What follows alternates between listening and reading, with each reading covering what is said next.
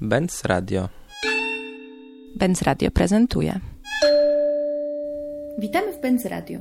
Ze mną kuratorzy najnowszej, 11 edycji Festiwalu Warszawa w Budowie o intrygującym tytule Pomnikomania.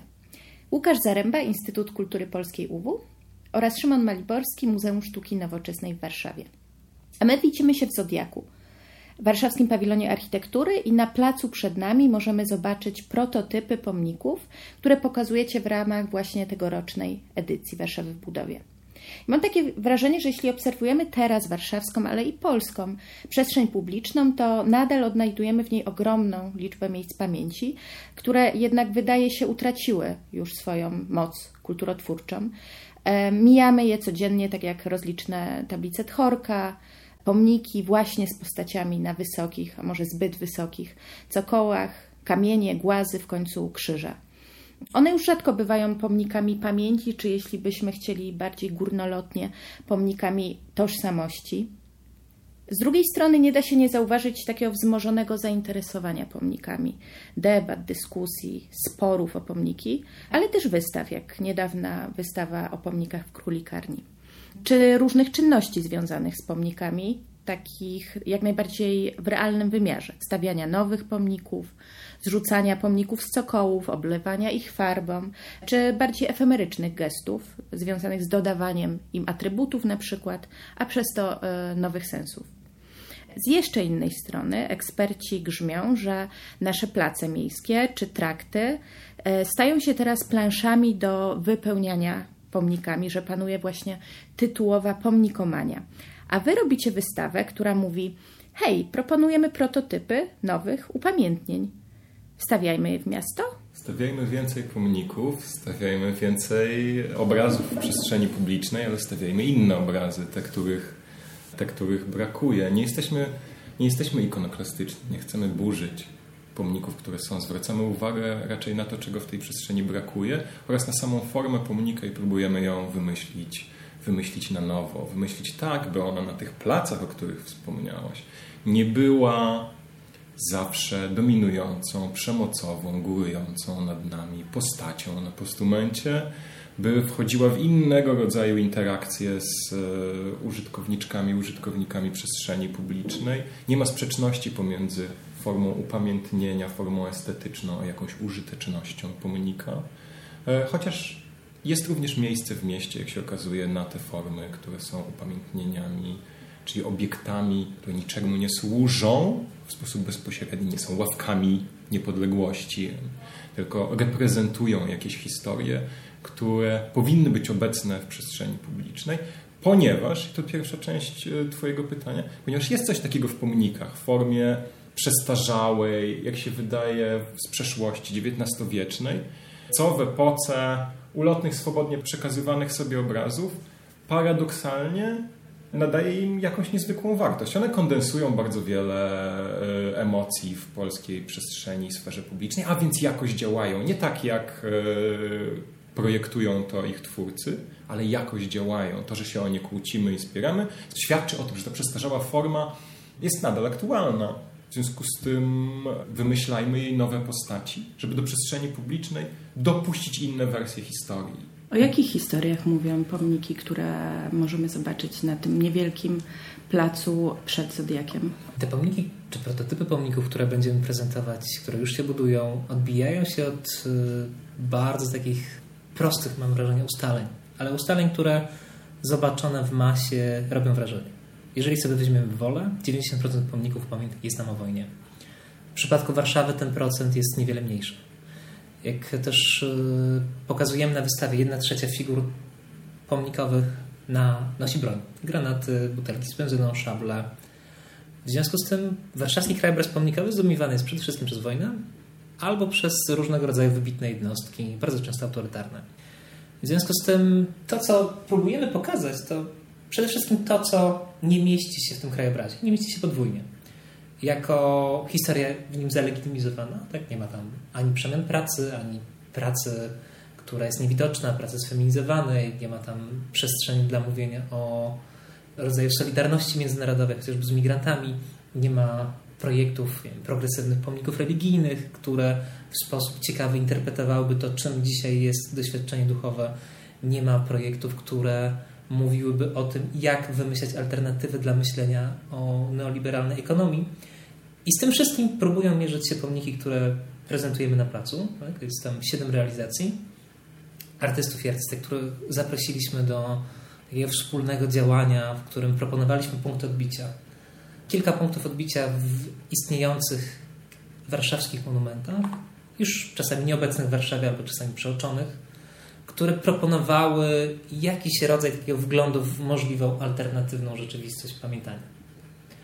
W związku z tym szukaliśmy takich punktów, które można twórczo zinterpretować i spojrzeć na nie jako na pewne wskazówki do tego, jak dzisiaj myśleć i opowiadać o tych problemach, jak praca, kapitalizm, migracje, poszukiwanie alternatywy tak, dla ekonomii czy dla reprezentacji dominującej wiary w Polsce. I o tym mniej więcej są te prototypy, które są za nami. A czy takie zwyczajne, proste radości życia codziennego także, bo mam wrażenie, że rzeczywiście ten temat jest bardzo słabo reprezentowany w przestrzeni naszych miast i jeśli widzimy już tego rodzaju instalacje czy rzeźby, no to właśnie, to rzadko są pomniki, to jest raczej neon, to jest jak mhm. Maurycy Gomulicki i jego neon orężada, albo to jest Pan Guma, czyli bohater codzienności, który też jednak jest rzeźbą czasową. Mamy też pomnik chłopa przecież, który jednak jest mobilny i także bardzo często jest pod strzechą instytucji. Bardzo mnie ciekawi też to życie codzienne, jakby przedmioty, upamiętnienie przedmiotu, upamiętnienie radości, upamiętnienie codziennych zdarzeń. Czy to znajduje mhm. jakiś wydźwięk na Waszej wystawie? Tak, na naszej wystawie ważną rolę odgrywają emocje i pytamy się, dlaczego bardzo ograniczony zestaw emocji mieści się na pomnikach, które już stoją dlaczego mieści się tam wdzięczność, dlaczego mieści lub mieściło się przez jakiś czas braterstwo, ale nie mieszczą się tam inne emocje.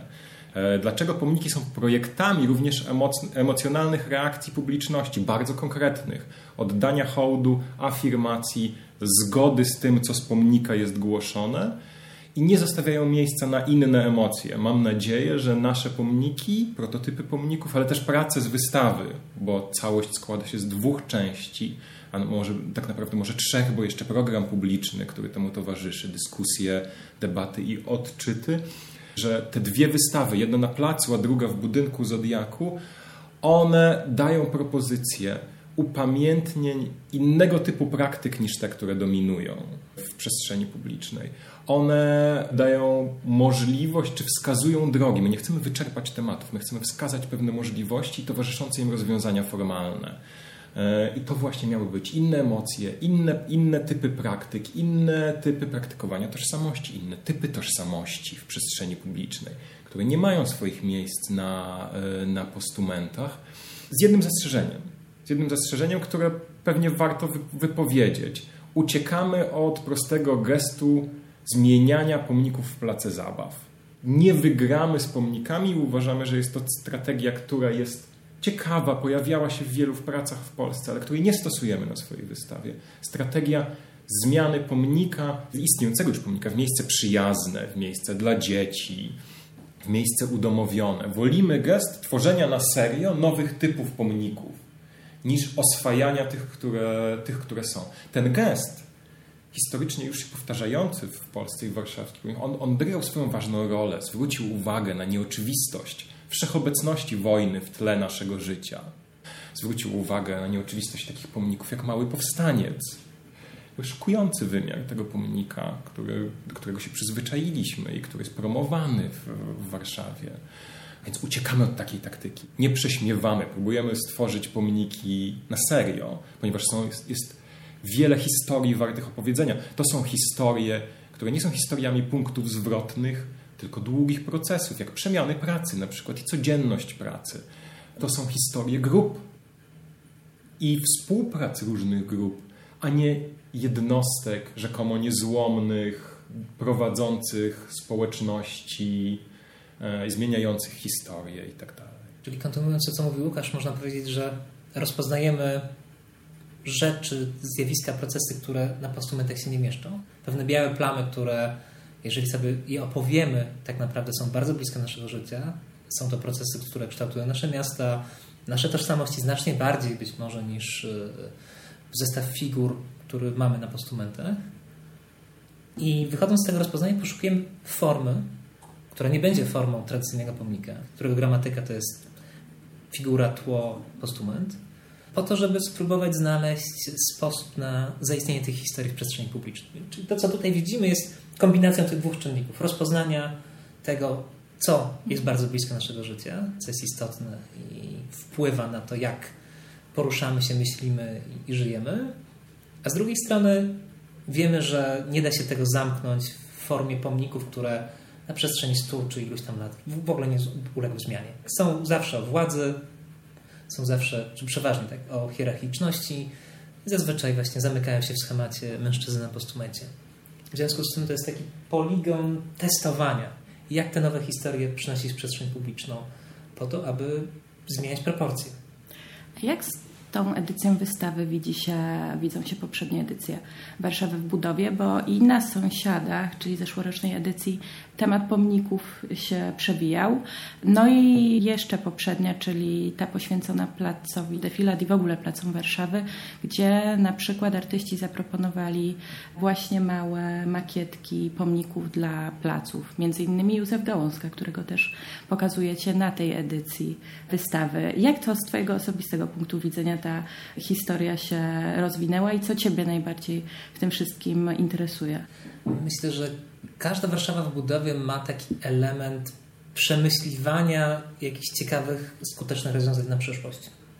Jak we wszystkich tych wystawach e, staraliśmy się wspólnie też naświetlać kwestie, które wymagają przemyślenia na, na, na przyszłość. I w tym wypadku pomniki są jakimś takim poszukiwaniem nowej tożsamości miasta, pewnej alternatywy, która wychodzi od gruntownych rozpoznań i która no, jest próbą złapania takiej współczesnej, zmiennej identyfikacji tego, z czym miasto mogłoby myśleć, działać, żyć lepiej, bardziej niż z, tylko wyłącznie z taką hierarchiczną przeszłością.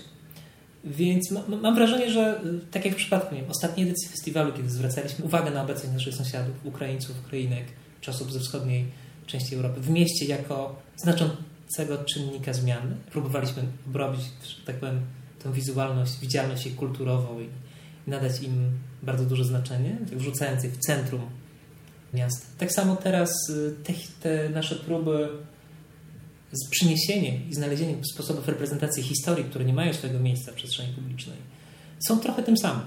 Jak oczywiście są dokonywane względem bardzo, mam wrażenie, też tak silnie sprofilowanej ramy pomnika, gdzie wykładamy jego znaczenie, sprawdzamy, czym ten pomnik jest w Warszawie w swojej masie, projektując jego alternatywę. Tegoroczna edycja ma takie dwie podstawy. Trochę próbujemy się nauczyć czegoś od pomników, które istnieją. Naszym laboratorium jest śródmieście. Na podstawie danych, często brzmiących śmiesznie, czyli przy ilu pomnikach są śmietniki, ile pomników jest za kratami, ile pomników jest zupełnie nieużytkowanych. To znaczy nawet raz do roku nie odbywają się przy nich żadne uroczystości. Ale też takich ile lat mają śródmiejskie pomniki. Śródmiejskie pomniki mają średnio 50 lat. Co to jest za obietnica trwałości, jeżeli one mają 50 lat? Z tego się uczymy. Ale zarazem próbujemy wypracować te nowe formy i zaprosiliśmy do tego artystki i artystów pracujących z różnymi mediami w zupełnie odmiennych stylach pracujących ze społecznościami i pracujących indywidualnie. I to, co prezentujemy na placu, to jest laboratorium, wybór, przegląd. Nie pretendujemy do wyczerpania tematów nieupamiętnionych, ale wprost zwiększamy liczbę pomników w Śródmieściu o 7, zmieniamy w związku z tym proporcje znacząco. W Śródmieściu jest ponad 100 pomników, więc postawienie siedmiu nowych naraz w jednym miejscu jest zmianą o te kilka procent. To są pomniki, które nie są pomnikami geniuszy, przywódców, jednostek, które też budują zupełnie inne relacje, relacje z publicznością, mam nadzieję. Będziemy to obserwować. Zobaczymy, jak będą, jak będą działały w czasie trwania festiwalu. Skąd czerpaliście te historie? Jak rozumiem, tu też intuicja artystów i, i, praca z nimi, i także badania, o których przed chwilą powiedziałeś, na których się opieraliście, mm, to jest jedno, ale jednak jak wybieraliście te historie? My założyliśmy, że pomniki są tak dziwnym pod względem czasowym obiektem, że nie da się zaczynać tworzyć pomników od zera. Powiedzieć, dobra, tworzycie bardzo interesujące formalnie rozwiązania, pomyślmy o nowym typie pomnika. My raczej zadaliśmy do myślenia, czy wrzuciliśmy jako inspirację kilka pomników, które naszym zdaniem i tematycznie, i formalnie odbiegają od mainstreamu pomnikowego w Warszawie. To były takie pomniki jak pomnik budowy Szosy Brzeskiej, jeden z najstarszych pomników w Warszawie, znajdujący się po, po prawej stronie miasta na granicy Kamionka. Pomnik, który upamiętniał pracę robotników przy budowie tej drogi, którego bliźniaczy pomnik znajdował się na końcu nowoczesnej na ówczesne czasy, jest 1825 rok, drogi handlowej.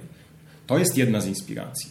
W związku z tym pojawił się temat pracy i temat drogi, temat przemian pracy i w ogóle takie pytanie, czy dzisiaj możliwe byłoby upamiętnienie pracy? Wtedy było możliwe, jak się okazuje. A więc czy historia jest historią postępu i emancypacji, skoro pomnik upamiętniający wysiłek pracowników i robotników, zresztą z różnych klas czy stanów, staje w 1825 roku, czy on może stanąć dzisiaj? I co on dzisiaj znaczy, co dzisiaj znaczy praca, jak wygląda, jak ją upamiętniać, jak znaleźć jej reprezentację, czy jej reprezentacja nie jest przestarzała w stosunku do tego, jak wygląda dzisiaj kondycja pracy.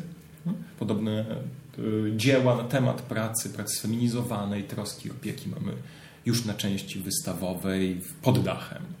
Więc rzuciliśmy kilka takich pomników, które naszym zdaniem, jak pomnik czynu chłopskiego mm, z 1968 roku, zlikwidowany z Warszawy w 2006 roku, formalnie i tematycznie są inspirujące i zapytaliśmy o ich najogólniej, najszerzej pojęte aktualizacje. Pojawiły się z czasem też inne, inne pomysły czy idee. Może nie tyle wrzuciliśmy od razu gotowe tematy czy historie, które znaleźliśmy.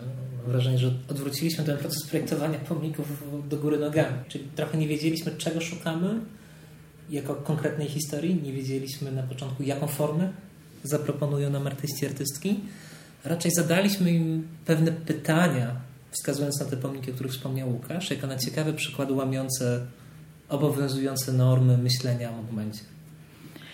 I z tego, jak gdyby w procesie, no, który trwał kilka miesięcy, powstały formy, dla których znaleźliśmy bardzo konkretne historie i które koniec końców ukształtowały to, co widzimy teraz na, na placu.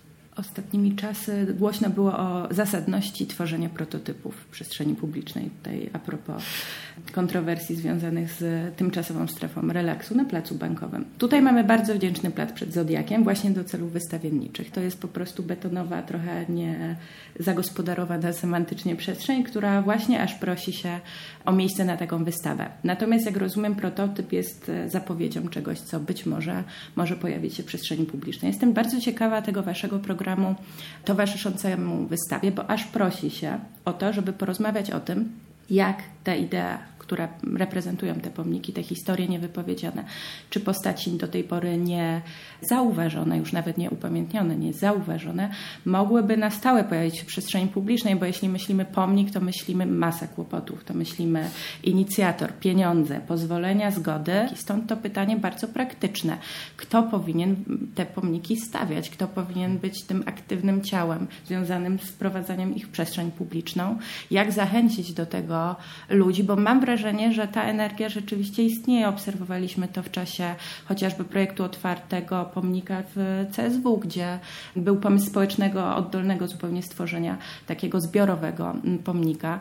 Widzimy też te ruchy związane z właśnie z małym powstańcem, chociażby to już było bardzo wiele lat temu, ale taką chęcią zrobienia czegoś i wzięcia te, tych pomników w swoje ręce. Tak, z drugiej strony widzimy też potrzebę upamiętnienia takich wydarzeń, które zupełnie nie mieszczą się nadal w dominującej sferze publicznej, czyli rzeczy w rodzaju zabójstwa Maxwella i Toi, którym grupa aktywistek i aktywistów co roku upamiętnia w sposób nietrwały śmierć przy stadionie dziesięciolecia stadionie, stadionie narodowym, więc te inicjatywy przychodzą też z różnej strony. Zadając nam to pytanie, niemal wymieniłaś tytuł jednej z dyskusji, którą przygotowaliśmy do programu publicznego, na którą od razu zapraszamy.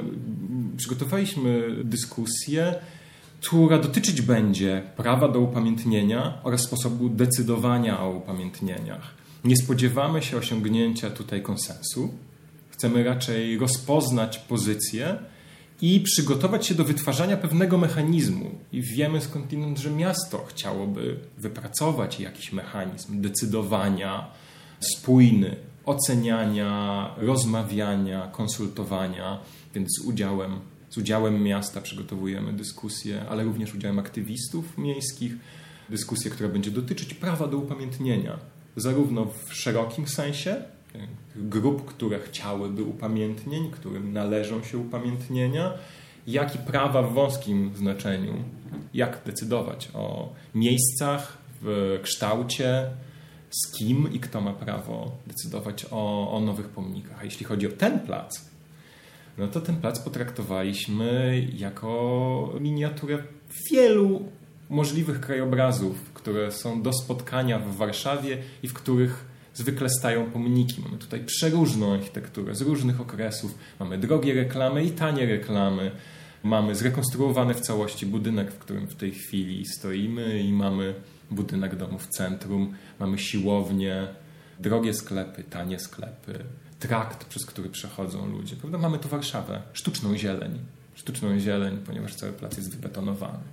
To jest trochę e, gest sztuczny, ale zarazem my zdajemy sobie sprawę z tego, że pomniki istnieją jako część krajobrazu i wystawianie ich pod dachem jest co najmniej ryzykowne i trzeba by się z niego tłumaczyć. W związku z tym uznaliśmy, że lepszy jest sztuczny i tę sztuczność komunikujemy, gest wystawienia tych pomników na placu. Na jednym placu, ale na tle bardzo wielu różnych krajobrazów, krajobrazów e, warszawskich. Tak, wracając jeszcze do tego pytania o prawo do reprezentacji w przestrzeni publicznej, myślę, że stawką tej dyskusji, która zupełnie nie zamknie procesu, raczej mam nadzieję otworzy na, na szeroką rozmowę, jest próba wypracowania jakiegoś spójnego mechanizmu, który z jednej strony będzie takim narzędziem weryfikacji zapobiegającym ustawianiu przypadkowych rzeczy w przypadkowych miejscach, zupełnie niezgodnie z estetyką przestrzeni publicznej, czy z kłócącej się z otoczeniem.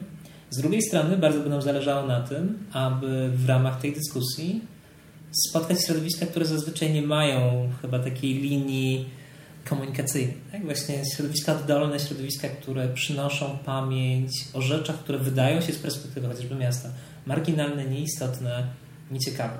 Czyli jak uporządkować, ale jednocześnie sprawić, żeby jakiś rodzaj uchwały był na tyle progresywny, aby umożliwiał zaistnienie innych głosów niż e, te, z którymi mamy do, czynienia. Nie chodzi o to, żeby stworzyć sprawne narzędzie do stawiania kolejnych pomników pomiędzy generałów, tylko raczej stawką tego, tej dyskusji, a później stawką pracy miasta, tak? byłoby dla nas to, jak zdemokratyzować sposób myślenia o pomnikach, jednocześnie dając narzędzie skutecznego zarządzania przestrzenią.